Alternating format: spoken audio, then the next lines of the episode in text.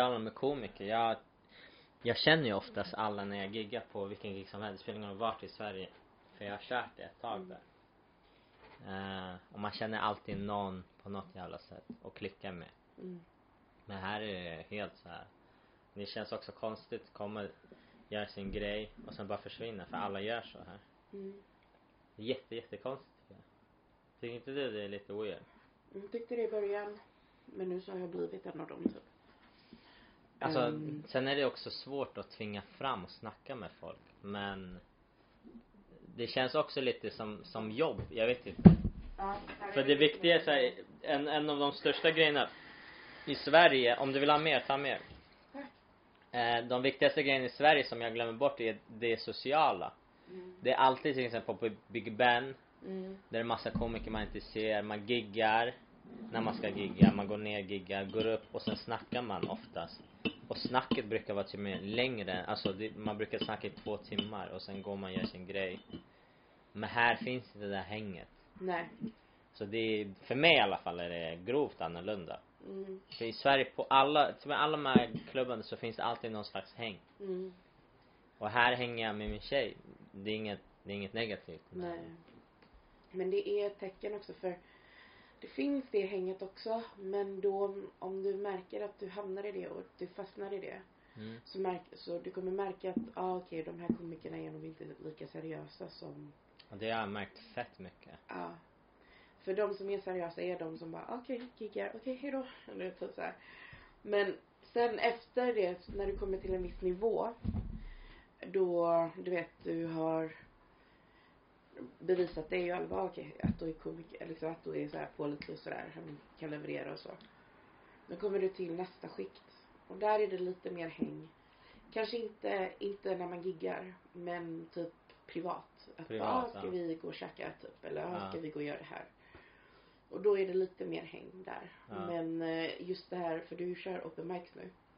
Om du märker, det är nästan lite farligt. De som, häng, de som är där för mycket för det sociala.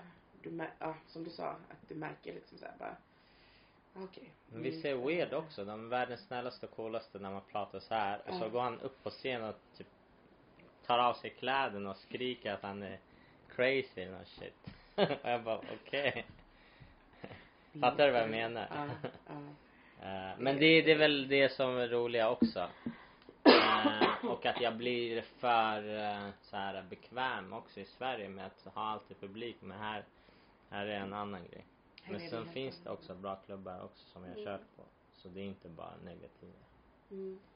Men eh, det positiva med alla de här eh, open micsen är att det är typ nästan alla jag, open mics jag giggat på så har de sagt du är välkommen när du vill. Ja, Hör av dig bara och bla bla bla. Så det det finns, är asbra. så de är sköna Ja, och det känns också som att de, de märker ifall man kan och de respekterar det. Ja, det de behöver inte gilla dig men de fattar att du har gjort det här ett tag och det finns någon slags sån respekt Ja. som kanske inte i. Sverige, jag vet inte. ja det kanske är, ja Sverige är väl lite mer annorlunda. I Sverige är det mer så här, ja ah, du måste känna den här personen. Det spelar ingen roll hur du gör det på, Ja. på gigget. Du måste vara coolare med den här personen. Det är någon som bestämmer liksom över ditt öde. Precis. Men, ja. Tack. Men också så här, det känns som att man, ja, eh, hela den här att man känner sig lite, eh, det här att man går in, gör sin grej och försvinner. Det är också en slags, det är lite tråkigt men det är också, det känns som jobb. Fattar du? Mhm. Eh, typ så här. eh, det spelar ingen roll hur jag känner mig, jag ska bara gå in, göra min grej och sen taggar jag bara. Mm. Så eh, det är, jag har aldrig känt så, det är väl positivt att det känns så också för det måste finnas den moden i Sverige också. Mm. Att bara gå in dit och behöver inte vara trevlig mot, eller jag säger inte att jag är otrevlig men man går in, sätter sig i ett hörn. Mm. Till exempel den här podden, jag giggade häromdagen och så skulle jag köra sist sist och det var typ så här två, tre timmar tills jag skulle köra. Mm. Så jag satte mig och spelade in podden bara. Mm. Och sen när det var min tur så gick jag upp och körde min grej och sen taggade jag hem bara. Nej men det är som du säger liksom här är det Det är intressant för man, man märker det på de olika städerna man kommer till. För typ i um, I London så är det så här, men sen om du åker till New York så där är det ännu mer så här. Där är det typ så här, de tittar inte ens på dig om du inte har, de tittar på vad du gör på scen. Mm. Och sen bara, ah, okej, Men det hej. är fint med det också. Ja. Är inte det? Alltså att man, man sätter respektnivån beroende på skillen man Jag vet inte. Mm. Det kanske låter grovt, men jag tycker det, det är fint i det också. Mm. Typ, okej om jag inte, om jag inte levererar då, jag inte, jag vill inte ens snacka med folk ifall jag failar. Vem vill gå och bara oh shit? Det känns konstigt. Weird. Det finns folk som gör det. Men de känns som psychos. Alltså, om jag får ont av att se någon faila och så går de upp, alltså kommer fram sen Mm. efter i hur glada som helst. Då känns det som att de inte De känner ingen när, ja de känner inte pain som kom, alltså de, de har ingen där grupp, jag vet inte hur jag ska förklara, fingertoppkänsla som man känner att när det Mm. går bra, det går bra, när det går dåligt så går det dåligt. Ja men precis. Känna av rummet, de kan inte känna av De rummet. kan inte känna av rummet och då blir det lite bara, jag vill inte hänga med dig. Nej, men så på- på en Om du inte har någon psykopatnivå. distans. Ja men precis. Ehm, men så känner du liksom, känner du att du blir skarpare? Eller att du har blivit skarpare på den korta tiden du har varit här? Ja. Eller det känns som att jag börjat från noll. Mm. Det här med hela att jag måste typ delita 70% av vad jag har. Mm. Kolla vad jag har. Försöka använda det om det ens går. Skriva massa nytt. Skriva ny intro och det. Alltså fixa om allting och. Det känns som att jag börjar från noll fast ändå inte. Förstår du vad jag menar Mm. typ? Du börjar ju från noll med material. Ja. Men du har ju skills liksom. Ja precis. Mm. Eh, och eh, det var några som såg mig köra här i början och så har de sett mig igen och de bara shit, bla bla bla. Eh, wow vilken utveckling, fan vad snabbt du utvecklas. Så jag bara nej nej, det är inte att jag utvecklas, det är bara att jag jag Ja, löser det, alltså jag ja. löser problemet som, Som var. som var en liten issue. Mm. Men folk är väl sköna också. Jag Här? Ja, jag känner igen några och Mm. det är väl Vad är liksom, är det någon, någon, någon klubb som du har varit på mest? Som du har varit här? Angels har jag varit på några gånger. Du? Ja. Har de haft tillbaka dig? Ja, i juni ska jag köra en gång till typ. Fan vad kul! Så där har jag kört mest tror jag. Men förutom stand-up så känns det Det känns typ som hemma nu. För jag börjar boxas nu. Ja, går det bra? Det går fett bra. Jag hittade en fett bra klubb. Alltså Ja. legit bra klubb. Alltså, vart är det då? Ligger uh, Shepherd's Bush, där vart du Oh. var. Mm. Jättenära där. Du bor jättenära min kompis. Mm. Ehm, han bor, jag hade nog kunnat gå hit. Kanske ta en halvtimme eller något sånt. Men han bor i uh, Hammersmith, Gold Mm. Road. Mm. Så... ehm, Det är ännu närmare. Det är typ 20 minuter tror jag. Mm. Fast jag tog en Uber hit för att det var så billigt. Mhm. Det tog en kvart att köra hit. Men eh, ehm, vad nice. Så det går att boxas i Köpsbörs. Ja. Ja. nära där och sen eh, de dagar jag inte boxas till exempel oftast boxning är samma tid som mina gig typ så Ah. dagar jag inte har gig så går jag boxas och dagar jag har gig så simmar jag på dagen bara Alltså du har en rutin. mm. Riktigt bra. och det känns skönt det Mm. jag börjar med promenad med tjejen och så går jag och tränar Ja. och så äter man och sen skriver förbereder jag inför kvällen och sen går jag och giggar eller så hänger jag och gör någonting fint, går på bio med tjejen eller käkar någonting Mm. Vad gör hon då? Hon... Hon eh, pluggar. Ah, Hon ska börja jobba i april så hon är ganska ledig tills april. I Stockholm? Mm. Ah, okej. Så hon åker dit. Ah, vad nice. Mm. Det här är jättenice. typ. Men det var det vi pratade om alltså att för mig var det viktigt, inte, Och alltså i början Ja. så hade jag inte så mycket stress att gigga utan fixa min vardag först ja. och sen börja gigga. Alltså, flicka. du är så mycket mer mogen än vad jag var i din Men- ålder. För jag kom hit och jag bara, Hå? Jag hade, eller i och för sig jag gick i skola då. Mm. Men jag tog det inte så seriöst. Um, alltså jag, fortfarande nu, jag har ingen rutin på dagarna. Eller min rutin är väl typ vakna, ligga i sängen och hålla på med admin liksom på datorn. Mm. Och sen bara, "Ha, mm, ja, jag kanske ska gå och handla mat och så laga lite mat. Och sen bara, oj då, nu gick halva dagen för jag var tvungen att laga mat. Eh, och sen bara, "Ah, jag har ett gig, okej. Alltså jag har ingen rutin alls. Så Men jag har haft sådana dagar också där man vaknar, käkar och så får jag ma- matkoma så jag lägger mig igen i Ja men precis, lägger det är sig. klockan fem. Alltså, åh. jag måste börja få in det liksom. Så bara, okej, gå och gymma. Sen när man inte, ja kvällar när man inte giggar, gå och göra något. För annars är det bara typ, jag ligger hemma och sover typ. Jag, jag, alltså, jag har väl alltid haft rutin. Det är bara, jag mår bra utav det. Det är jättekonstigt att förklara men jag mår bra. Men jag tror människor mår bra av att ha rutin. Ja, liksom speciellt träningen mår jag fett bra. Ja, Jag känner mig sharp, ja. jag känner mig eh, Får endorfinkickar. Ja, ibland känns det som att om jag inte tränar på typ så här tre, fyra dagar så kan jag bli alltså helt låg och helt Ja, alltså seg i huvudet och allting. Jag känner verkligen stor skillnad ja, när jag tränar och inte. Och att eh, jag tränar på en fett bra gym. Jag, jag tränade boxning sen jag var så här 14, 15. ja, Men här i England så har de det här proffskulturen som vi inte har i Sverige där de har riktiga proffsboxare. Så deras boxning är lite mer utvecklad än vad det är i Sverige. Så jag lär mig också en annorlunda stil och eh, annorlunda tänk inom boxningen. Så jag, jag, jag tycker också genuint att det är fett kul och Men vad kul. Men vad, hur är det, så du hittade typ en tränare som var seriös? Eller som Och var det är bra? svårt att hitta sånt också. Ja, det, du kan inte är gå det. in i ett gym och sen bara stämpla det som bra eller dålig. Men du måste vara där ett tag och träna och kolla ifall tränaren är seriös, ifall han verkligen eh, de tipsen han ger ifall det är legit. Inte bara på mig men på an- jag döm, alltså jag, det låter konstigt men jag, sitter, jag, jag kan ju vad som Ja. är real och vad inte. Ja.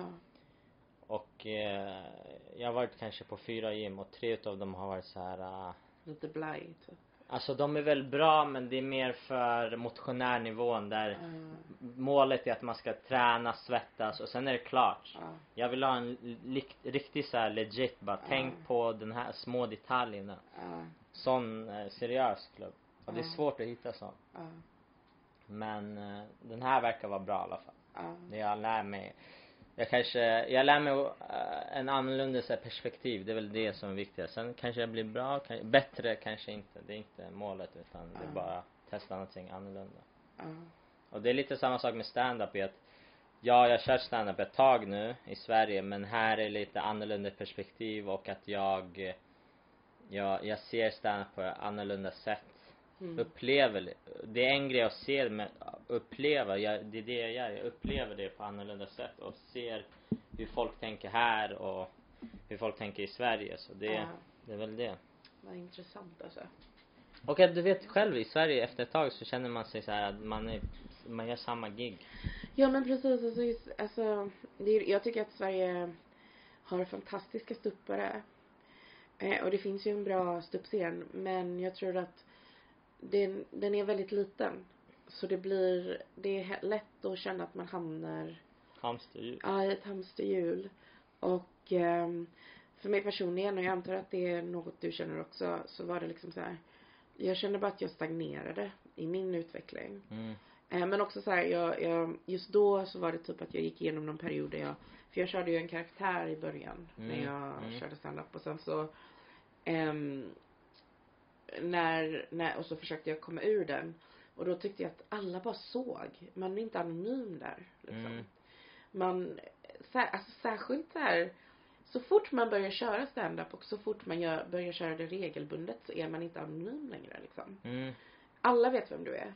Och vet. till och med, alltså, alla går på Big Ben. Även om Big Ben är liksom the open mic typ. Mm. Ehm, och, och jag, ja, jag tyckte bara, jag bara, jag ville komma någonstans där jag var anonym. Och också någonstans, jag ville köra på engelska.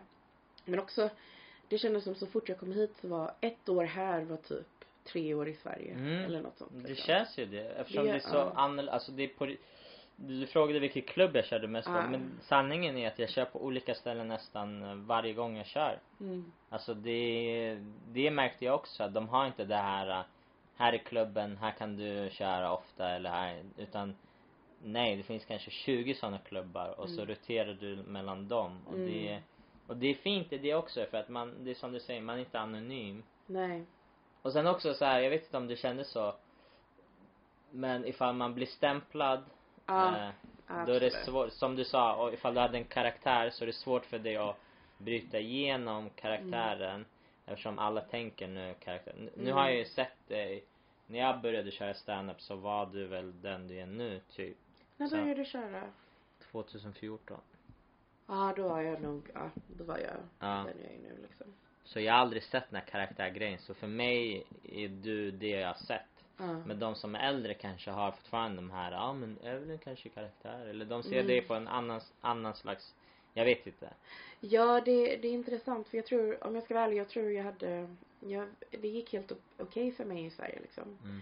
Ehm, rent hur, eh, alltså jag tror att folk omkring mig var, eh, ja men tyckte om mig och sådär och, och det var trevligt och så liksom.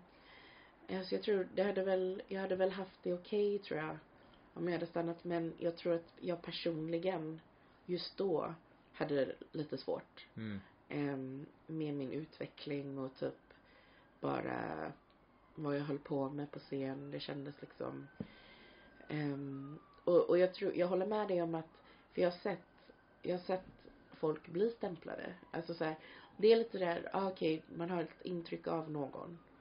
Och eh, sen så är det, sen så får man jobba väldigt hårt om man är den personen att ändra en, ändra folks intryck av en.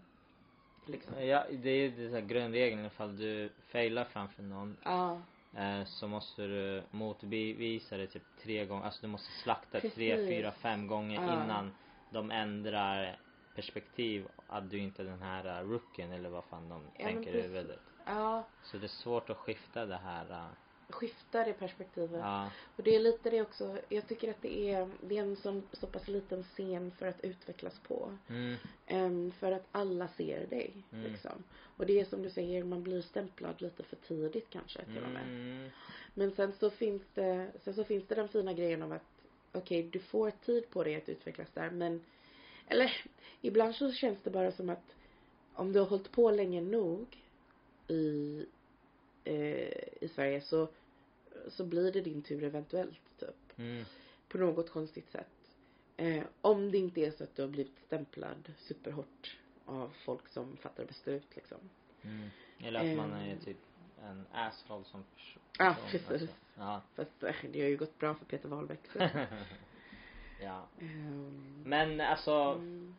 sen behöver det inte vara en po- alltså, positiv eller negativ. Jag, jag träffar massa komiker på de här open micsen som har kört stand-up sen de var, alltså sen typ 2015 eller 2000, vad var det, 10 träffade jag en snubbe.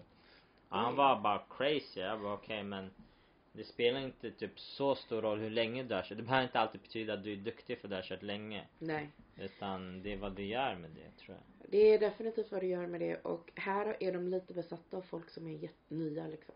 De är? Uh, det, eh, branschen är det. Okej.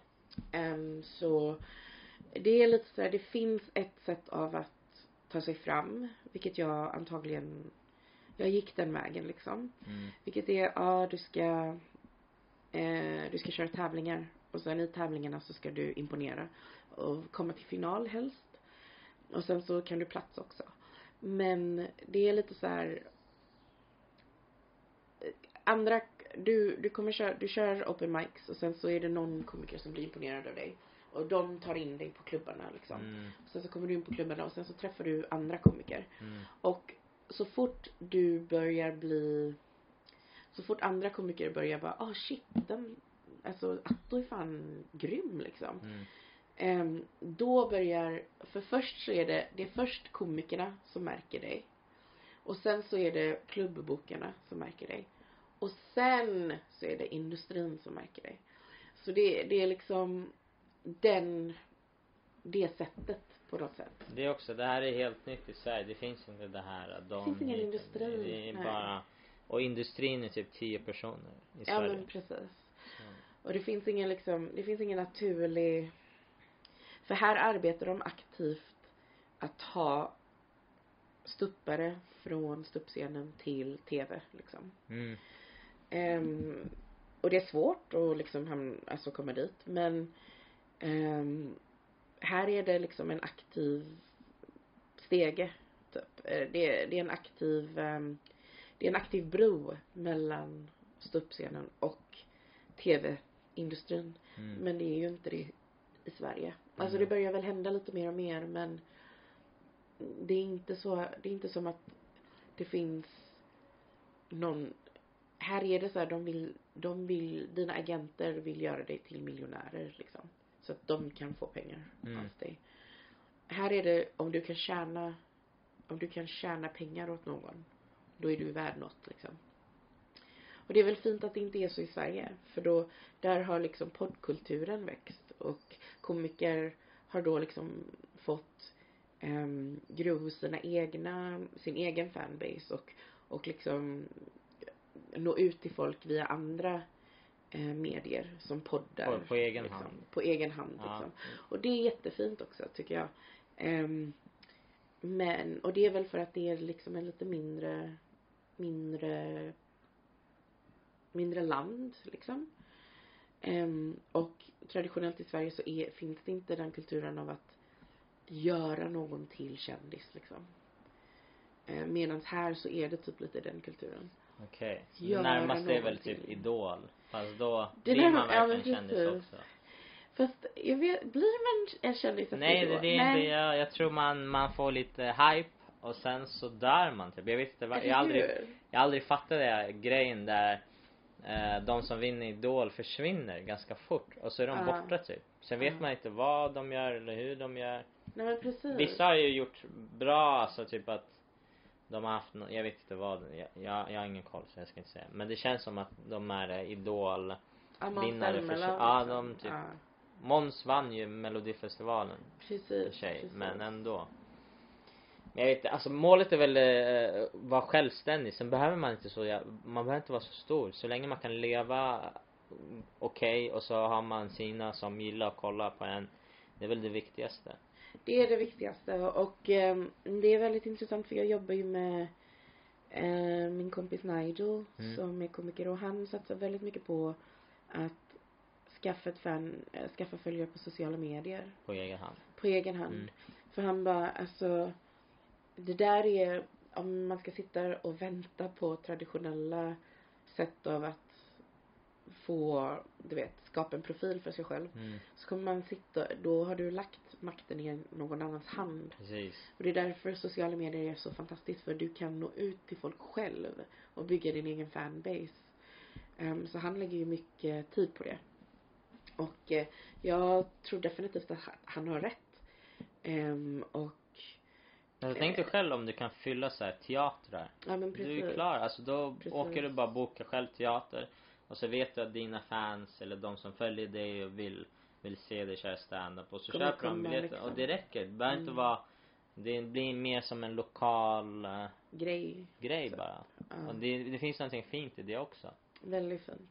Mm. Och att eh, man behöver inte, som du sa, att man behöver inte sitta och vänta för det man bara utvecklas på sin egen hand och så Mm. gör man sitt bästa av det. Precis. Det finns massa sånt i Sverige också. Det finns ju massa duktiga komiker som jag tycker är alltså legit high level. Ja. Men de har ingenting för att de gör ingenting med någonting. Det är bara att de har skillen stand-up och så Mm. händer det inte så mycket. Mm. När de förtjänar det Förtjänar bästa. det liksom. Mm. Men det kanske är så. Det finns ingenting som heter så här förtjäna utan man, man får skapa eget. Och så får man leva med det man har och så Precis. utveckla. Precis. Men, men, men. Som en gammal gubbe. Ja. Men, men, men. Men det viktigaste är väl att man är glad. Klyschigt men eh, fuck it, jag skiter i. Jag är glad. Vad bra att du är glad. Jag är glad både är- det är inte som att jag klagar. Jag är fett glad. Jag tränar, jag älskar att göra det. Jag älskar att hänga med min tjej, det är klart. Det behöver, man behöver inte vara så komplicerad. Ja, men precis. Man Man bara- har, man har har mina munkar stashade. Alltså, värsta många munkar. Jag kommer in här och bara, vill du ha en munk? Jag bara okej. Så har du fram en sån här 12 eh, pieces av eh, Krispy Kreme och bara, Ja. jag har en till. eh, 12 stycken till. Ja, ja. Det är så, jag har massa överallt. Äter massa munkar. Ja. Alltså så Så- roligt. Det var en väldigt god munk. Det, det, de är fresh. Jag köpte dem igår, igår natt köpte jag dem. När jag var full på väg hem. Ja, Och redan, det var typ hälften kvar ja, bara. ja vi käkade hur mycket som helst. Jag käkade så mycket så jag nästan spydde. Därför jag tar det lugnt med dem nu. Alltså vad roligt. Men det var, det var deal, du vet man köper en för 12 pund som är typ 120 spänn. Ja. Och så ifall du vill köpa en till så kostar det typ 3 pund till. Så du betalar totalt 15 pund, 150 spänn. För 24 munkar. Ja. Fräscha munkar. det var det han sa till mig. Det är faktiskt en väldigt bra deal. Ja. Surprisingly bra deal faktiskt. Och så käkar man dem bara. Det är fett gott. Du, du märkte själv, det är en hel... Och jag, du, det roliga är, du vet, jag hade inte typ smakat munkar förrän jag kom hit. Det var Jonathan som köpte de här Krispy Ja, Kreme. han älskar dem. Ja, och han sa smaka. Eh, och smakade jag och så jag bara shit. Men du måste Smakar ha smakat de var... Men de, det, är- jag har de gjort det men det är goda. inte, Nej. det, det smakar som typ seg så här, deg bara. Det smakar deg med socker. Men det här, det här är heaven. Det smakar typ som en blandning av en tårta och eh, jag vet inte vad. Det kommer bli så tjock. det var typ det, alltså så fort jag flyttade hit bara, bara oh my god, fried chicken. Ja, Åh, KFC. Jag käkar det varje dag. Eller hur? Nästan varje dag. Det är så Alltså. gott. Och billigt. Jag fattar inte hur det kan vara bill- så billigt. Alltså en bucket kostar typ eh, 60 spänn eller vad det är. Alltså det är sjukt. Alltså, och såna här kitchen, fried chicken shops som finns överallt i London. Ja. Som inte, alltså såhär independent. Alltså de säljer typ, de säljer sex wings med fries och dricka för typ mellan, du kan köpa det för typ 2,50 eller eh, upp till 3,50 liksom. det är helt sjukt. Det är sj- 40 spänn för liksom det. Jag tror inte folk fattar hur mycket, hur mycket mat det är. Det är typ två kilo kyckling känns Det det är så som. jävla mycket mat. Och typ så här, fast det är det som är problemet här. Alltså allt som är så här unhealthy är skitbilligt här. Jag vet inte varför det är. Alltså, jag tror det är väldigt mycket för det är som konstigt, alltså Storbritannien är ju sån klass, class division liksom. Mm. Så det är mycket så här unhealthy food här för folk som det är det de har råd med liksom. Så jag tror att det är mycket, för du kan se också i områdena, du bor i en, du bor, du bor mellan, du bor i Shepherd's Bush och Kensington. Så du är mellan liksom två olika områden. Shepherd's Bush är lite mer, liksom såhär, okej det är lite mer folk som kanske inte har råd med Mm. med liksom mycket. Och sen så har du Kensington som är typ världens mest överklass, Mm. du vet så här. Mm. Och då om du går i Kensington så kommer du märka, här finns inga chicken shops. Men om du går till Shepherd's Bush bara, chicken shops, Mm. kebab, Alkohol. alkohol och liksom såhär alla, så du bara, ah okej jag, är, jag är en annan, jag är i en annan socialklass nu Precis. liksom. Så det jag tror att det är väldigt mycket med det att göra och eh, alltså jag vet inte, jag tror britter bara är väldigt ohälsosamma. Alltså, har du märkt när du gått in i typ så här matbutiken, de säljer det i paket. De säljer inte Allt i paket. Ja, Allt ja, ja. Det är bullshit alltså. Ja. Jag hade en teori där de eh, de säljer skalade morötter eller Ah. choppade broccoli Ja. och det, alltså min teori är att folk, de försöker få folk att köpa det för det, du behöver inte skala det utan allting klart. Men allt är paketerat, det är inte bra. Nej, inte bra. Jag vet inte om det är dyrt, det är, det är tvärtom, det är lite billigare känns det som. Jag tror att det är dyrare kilopris Mm. på allt det där. Men de säljer, alltså jag tror att de har gjort det för att de har designat det efter staden och staden har väldigt många singlar som jobbar mycket. Så det är många karriärister Mm. liksom. Okej. Ehm, så det är bara så, ah, okej du behöver inte lägga tid på att förbereda. Allt är förberett. Vi har tvättat det för dig. Vi har klippt, kala, du vet. Vi har gjort allt det här för dig. För det ska gå fort. För att det ska gå fort och det ska vara bekvämt och bla bla Mm. bla. Ehm, så jag tror att det är mycket designat på grund av det. Men det är så konstigt att för i Sverige är det bara, fan köpa, man kan köpa lösvikt. Du kan köpa en apelsin. Du behöver inte köpa ett packe. Precis. Liksom. Och du, ja. Men jag tror Sverige har mer den här kulturen att det är normalt att alla lagar mat hemma. Ja. Alltså det är Ja. normalt. Det är normalt. Alla min ålder, all- alla mina kompisar lagar nästan alltid hemma. Ja precis. Sen Matlådor. kanske på helgerna käkar man ute om man träffas eller efter man, man har varit ute och druckit så köper man någonting. Ja. Men man äter inte ute så ofta. Inte lika ofta här som här tror jag. Det är typ ett, en, ett evenemang om man går och äter ut. Och att det, det framförallt, det känns som att det är billigare. Det är mycket Till billigare. exempel de här som du sa, fried chicken och sån shit. Om jag köper det hem och delar upp, jag vet inte om jag går plus eller minus. Alltså det är på den nivån att det är så billigt så jag tror jag går minus ifall jag köper och gör det hemma. Ja, precis. Fattar du vad jag menar? Absolut. Alltså, och det är det för det är mycket billigare att äta ute här. Mm. Och folk gör det mycket mer för man bor så litet här så man går inte hem till varandra. Utan man träffas bara om man ska hänga, ah okej vi går och käkar middag. Mm. Eller ah okej vi går och tar liksom en lunch eller något sånt. Mm. Så det är verkligen socialt här. Att du, om du träffar din kompis, de, folk kommer inte hem till varandra. För ofta så bor man med flatmates. Eller Ja, det är så så bor man litet eller? Precis, och det är så här bara okej jag har mina rumskamrater, vi ah, om vi ska, om vi ska, om jag ska ha över folk så blir det verkligen okej jag kommer ta över köket den här kvällen. Mm. Då blir det lite så här bara antingen får jag bjuda med dem så att de också kan komma och äta. Eller så blir det att de inte får vara i köket den kvällen liksom. Mm. Ehm, eller så bor man liksom som dig väldigt lite Mm. Och bara ah, okej jag ska ha hem folk. Men att hem är typ mer som en sovplats än att något ställe att hänga på som Ja, i Sverige. precis. Där har man ju Där går man hem till större. varandra Och liksom. mysigt, hänger och spelar spel eller vad fan man gör. Precis och bjuder på middag. Ja, och liksom, här är, här har de ju också större där barkulturen. Mycket Det finns barer överallt alltså. Alltså, jag tror jag ser mer barer än mataffärer. Jättemånga barer. Varje hörn har ett bar liksom. Alltså, och de, eh, alltså deras drinking culture är galen. Och det är billigare också här, alltså öl. Jag tror det kostade typ tre pund igår. Vi var ute och drack tre pund per öl. Vad kostar det i Stockholm? Alltså det kostar mellan, eh, det kan kosta mellan 40 och 60 spänn tror jag.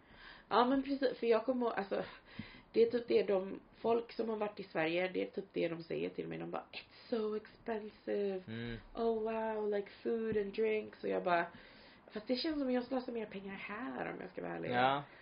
För i Sverige kan man vara hemma. Men i Sverige också så får vi oftast gratis öl och det, det, det är sällan jag köper öl själv. Om jag väljer att dricka. Så, Men också så här, jag, alltså det jag har, nu har vi inte känt varandra så, så bra eftersom vi inte hängt så mycket, i Ja. Sverige åtminstone. Och det jag vet är att vi har träffats ju genom åren och det har alltid varit den här, ah det är Evelyn som bor i England och så kommer du ibland och giggar Ja. eller har projekt i Sverige ja. och så ser man oftast, eh, ser dig på när vi giggar.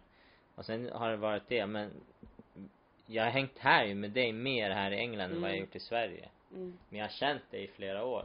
mm, absolut. Så det har alltid varit den här Evelyn som, eh, som bor i England och bla Så bla går i bla. England. Ja. Så.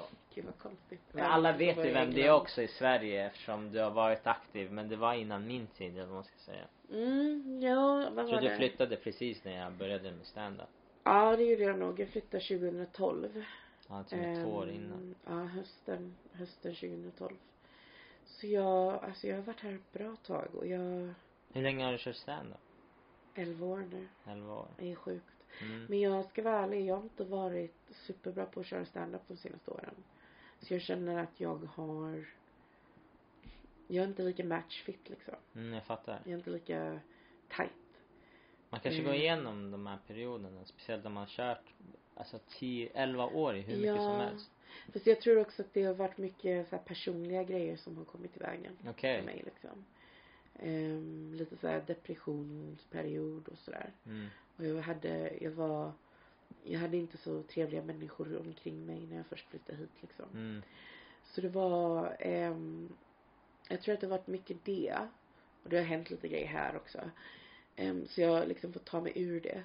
Och nu känns det som, fan nu måste jag faktiskt börja för det var lite så här, jag tänkte, jag vet inte när du började med stand-up, tänkte du någonsin såhär bara, okej jag ska ge det här x antal år och sen om det inte funkar så får jag inse det och sen så får jag gå och göra något annat liksom. Alltså jag tänkte med hela stand-up tänkte jag, jag, jag, jag gör mitt bästa ett år.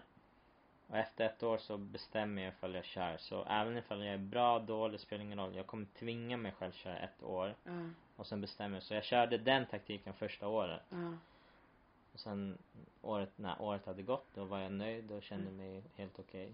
Ja, Mm. Och då bestämde jag mig. Men nu satsar jag på det.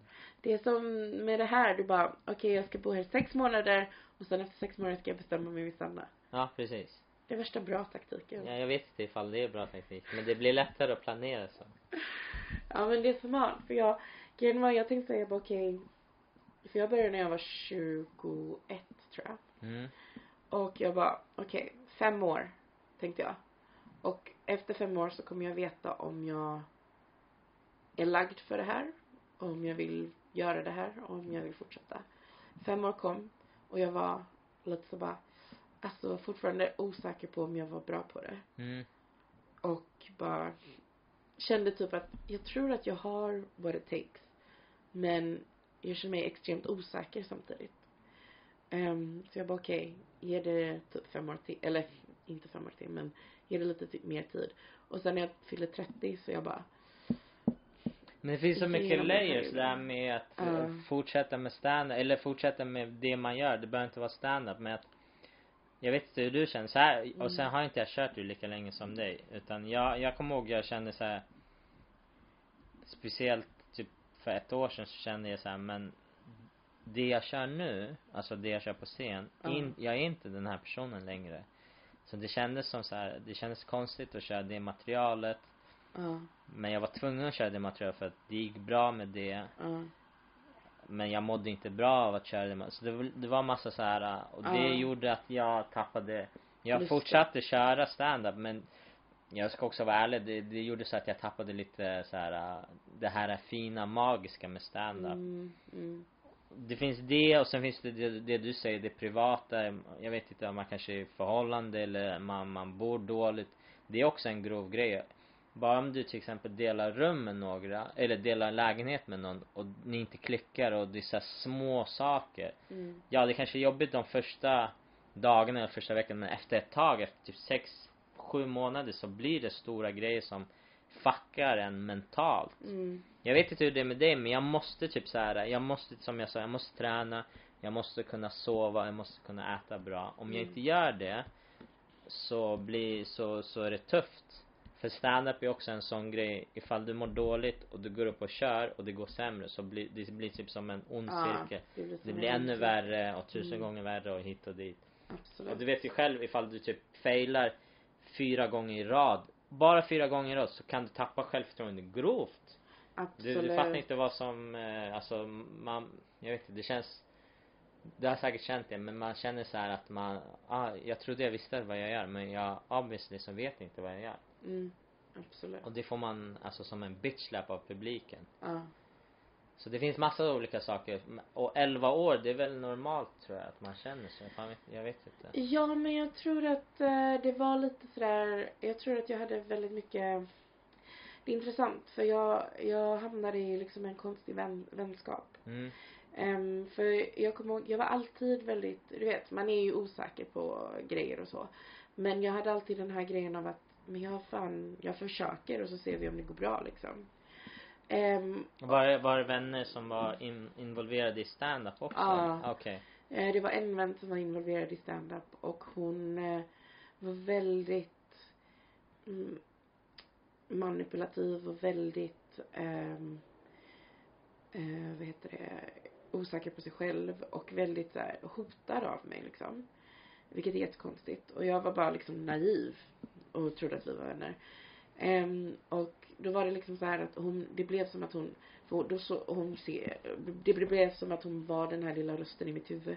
Fast då istället för att, ehm, och liksom bara hela tiden sa, bekräftade att typ, du är dålig, du är lat, du är liksom Alltså de säger det, alltså orm, smyger sätt. De säger inte Precis. du är dålig utan det är här små kommentarerna ifall du har gjort bra ifrån dig. Ja, Åh wow vad bra, vilken, du hade tur med publiken eller du hit och dit och precis. Och liksom så här, ehm, eh, vad var det? Typ om man säger så bara, "Åh, jag känner mig så lat och bla bla bla. Du vet en kompis är ju så här, men det är klart att du inte är lat liksom. Det är- är bara, idag är det bara liksom chill typ. Men det var, ja du är lat. Varför? Det värsta man märker inte sånt. Man märker inte det. Förrän det har gått typ x antal år. Precis, precis. Och jag, jag var ju väldigt naiv. Jag tror att jag alltid varit väldigt eh, godtrogen liksom.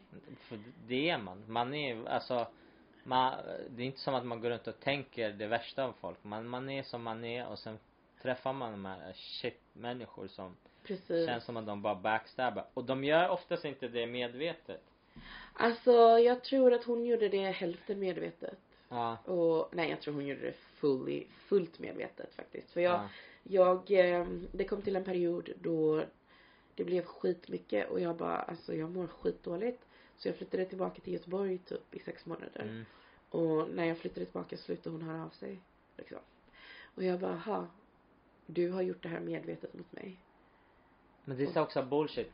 För nu vet jag inte vem det är eller vad, Mm. men jag antar nu, jag bara målar stort så här att ni hängde tillsammans och alla komiker såg, då tänkte de, ja Evelyn och den här personen. Ja, ja. Och du var förmodligen mycket bättre än vad hon var. Och då jämför folk er automatiskt kanske. De jämförde oss väldigt mycket och ehm, det var ju typ, alltså det var andra människor som gjorde mig medveten om att jag höll på att bli mobbad typ. Det var, det var väldigt konstigt för jag, jag tog det som att, först så tog jag det som att hon bara roastade mig liksom. Ja. Eh, och du vet det är så komiker gör liksom så här, man roastar. Men sen så var det också så här, jag mår faktiskt lite dåligt. Och sen så var det typ folk som bara, alltså hon typ mobbar dig och det är inte okej. Mm. För hon brukade lägga ut på internet grejer liksom så här. Va? Ja, hon brukade lägga ut på internet typ såhär bara, haha titta vad jag skrev mot Evelyn Mock liksom. Och eh, jag bara, haha typ. Men sen så var folk bara, alltså mår du bra? För det där Mm. var inte snällt det hon gjorde liksom. Mm. Och jag bara, aha shit. Så det kanske var lite att jag levde, att jag var lycklig, lyckligt omedveten ett tag. Men sen så bara, oj, aha, oj, är det så? Aha, Men ibland så shit. vet man inte heller. Det är också svårt att veta vad orsaken. Ja, Alltså jag ja, kan ha så här verkligen. klumpkänsla och det tog mig år att ta reda på varför känner jag så. Att någonting Ah. händer, du vet, du lever ditt liv, någonting Ah. händer och så får du den här klumpkänslan och så går du bara dag in, dag ut. Men du vet, och sen glömmer du typ bort varför du har den här klumpkänslan Ah. och så blir det bara värre och värre. Så blir det bara värre och värre, Ja. precis. Men när du avbröt så här din vänskap, så jag antar att du gjorde Mm. det. Märkte du skillnad alltså? Nej för då, ja men det tog inte, ja, alltså det är först nu jag börjar må bättre. Ja. För det, hon, jag tänkte på henne, alltså det, jag måste säga det har tagit, vad var det, när var det, det vi bröt? 20, slutet på 2015 tror jag. Och det är först typ, jag tror 2019, 2018, 2019 som jag bara, ha, jag tror jag börjar må bättre. Men det är fortfarande, fast jag har fortfarande steg kvar för det, det är intressant när man kommer ur något som det där så förändras hela ens självbild. Mm. Och då är det typ så här, du måste jobba på att få tillbaka det, den självbilden du hade. Mm. Men också så här, du bär med dig det här bagaget nu. Mm. Så det blir så här, du, du måste, Reparera det samtidigt som du utvecklas. precis, så att det blir, men du är ju den här människan nu som har gått igenom det här konstiga. Eh, eller det här eh, hemska. Ehm, så du, du kommer bära med dig det här men också så här bara kom ihåg att ja men du, du är inte de grejerna som hon sa att du var. Mm. Som sen blev att du trodde att du var. Mm, jag fattar, jag fattar. Så du, ja. Ja, precis. Men det, det där, det där bullshiten är jättevanligt i så här äh, i för, för, förhållande relationer. Alltså, Ja, jag kan tänka mig det. fa- fattar du att Ja. bara för någon är lite osäker, kille eller tjej, så drar de ner sin partner för Ja. att de ska känna sig säkra i sin, alltså de ska ha någon slags maktposition Ja, och ha lite kontroll över den personen Ja. för att må bra. Men det är de, och det är därför jag trodde, alltså därför jag antog att hon gjorde det kanske omedvetet. Men ofta så gör de det omedvetet av rädsla. ja, Och det de inte fattar är att de fa- förstör, förstör den andra personen sakta Ja. men säkert. ja, Och verkligen. det där, eh, ni måste ha varit fett nära ifall du blev påverkad så mycket också. Ja, alltså att ja, ni hängde ja. ganska ofta. Vi bodde ihop till och med. Så det var ju väldigt Ja, sådär det-. Alltså, Men det är tufft ja. där med alltså, kom, alltså kompisrelationer i I branschen eller vad man humor, ska ja. säga. Ja men verkligen. För det ja. är en tävling ju också. Alltså det är inte tävling men jag vet inte hur jag ska förklara det. Det är, Ja men man blir, särskilt när man är ny tror jag så är man väldigt osäker på sig själv och om man har polare som sen bara aha shit det går bra för dem. Så blir man så här. Det är mycket så här osäkerheter ja, som ja vad som kul att du med. körde där. Varför körde du där? Och blir så Ja precis, "Vad, du precis. tycker inte att jag är Jag bokade duktig. dig till det Ja liksom. precis. Ja. Aha så du är kompis med den här personen för att nej, nej, nej, nej. Och Då blir man såhär, okej så du tycker jag är bajs eller varför? Ja, det- varför är du så förvånad att jag kör här? Det är så, ja det är jätte, Ja. jättekonstigt. Men fan vad skönt att höra att det, det där är Ja jag hoppas det i alla fall. Det är väl också det positiva att jag hänger med min tjej att, jag vet inte, vi har våran bubbla och sen taggar jag. Det tror jag absolut. Alltså, eh, vad heter det? Eh, du har någon som inte har något, alltså Hon bryr sig säkert inte så mycket om stand-up. Hon, hon, nej, hon, hon bryr sig bara alltså hur jag mår och hur det Ja. går för mig och så det är väl, det är väl, alltså, sen så, så, alltså i början, speciellt när man börjar med stand-up så söker man ju lite andra som, Bekräftelse. men andra som mig. Ja, precis. För att de ska fatta vad man går igenom för Ja. det är en tuff period man går igenom när man börjar med stand-up för man är bajs Ja. och så är man deprimerad för att man är bajs och så tvingar man sig själv att försöka Ja. och man märker hur andra är tusen gånger bättre så i början så är det en, alltså en grov så här, depressions, alltså period liksom. som komiker Ja, ja, absolut. för det är det värsta som man kan vara med om Det är att man är bajs och man vet inte ens varför och man försöker på sitt bästa Man är bajs men man vet inte Ja. ens varför. Det är och enda jätte- tröst, och enda trösten så går man till en annan som är bajs, Bajs och inte som vet bajsar varför. på dig med så du mår som du är redan bajs men du Alltså det är, jätte, det är en jättebra beskrivning av typ hur det är att börja med stand-up. Man är bajs men man vet inte varför. Ja. Enda trösten är att gå till en annan som också är bajs. som bajsar på dig för att de är dig. bajs så det är en tuff period Jätteroligt. ja ja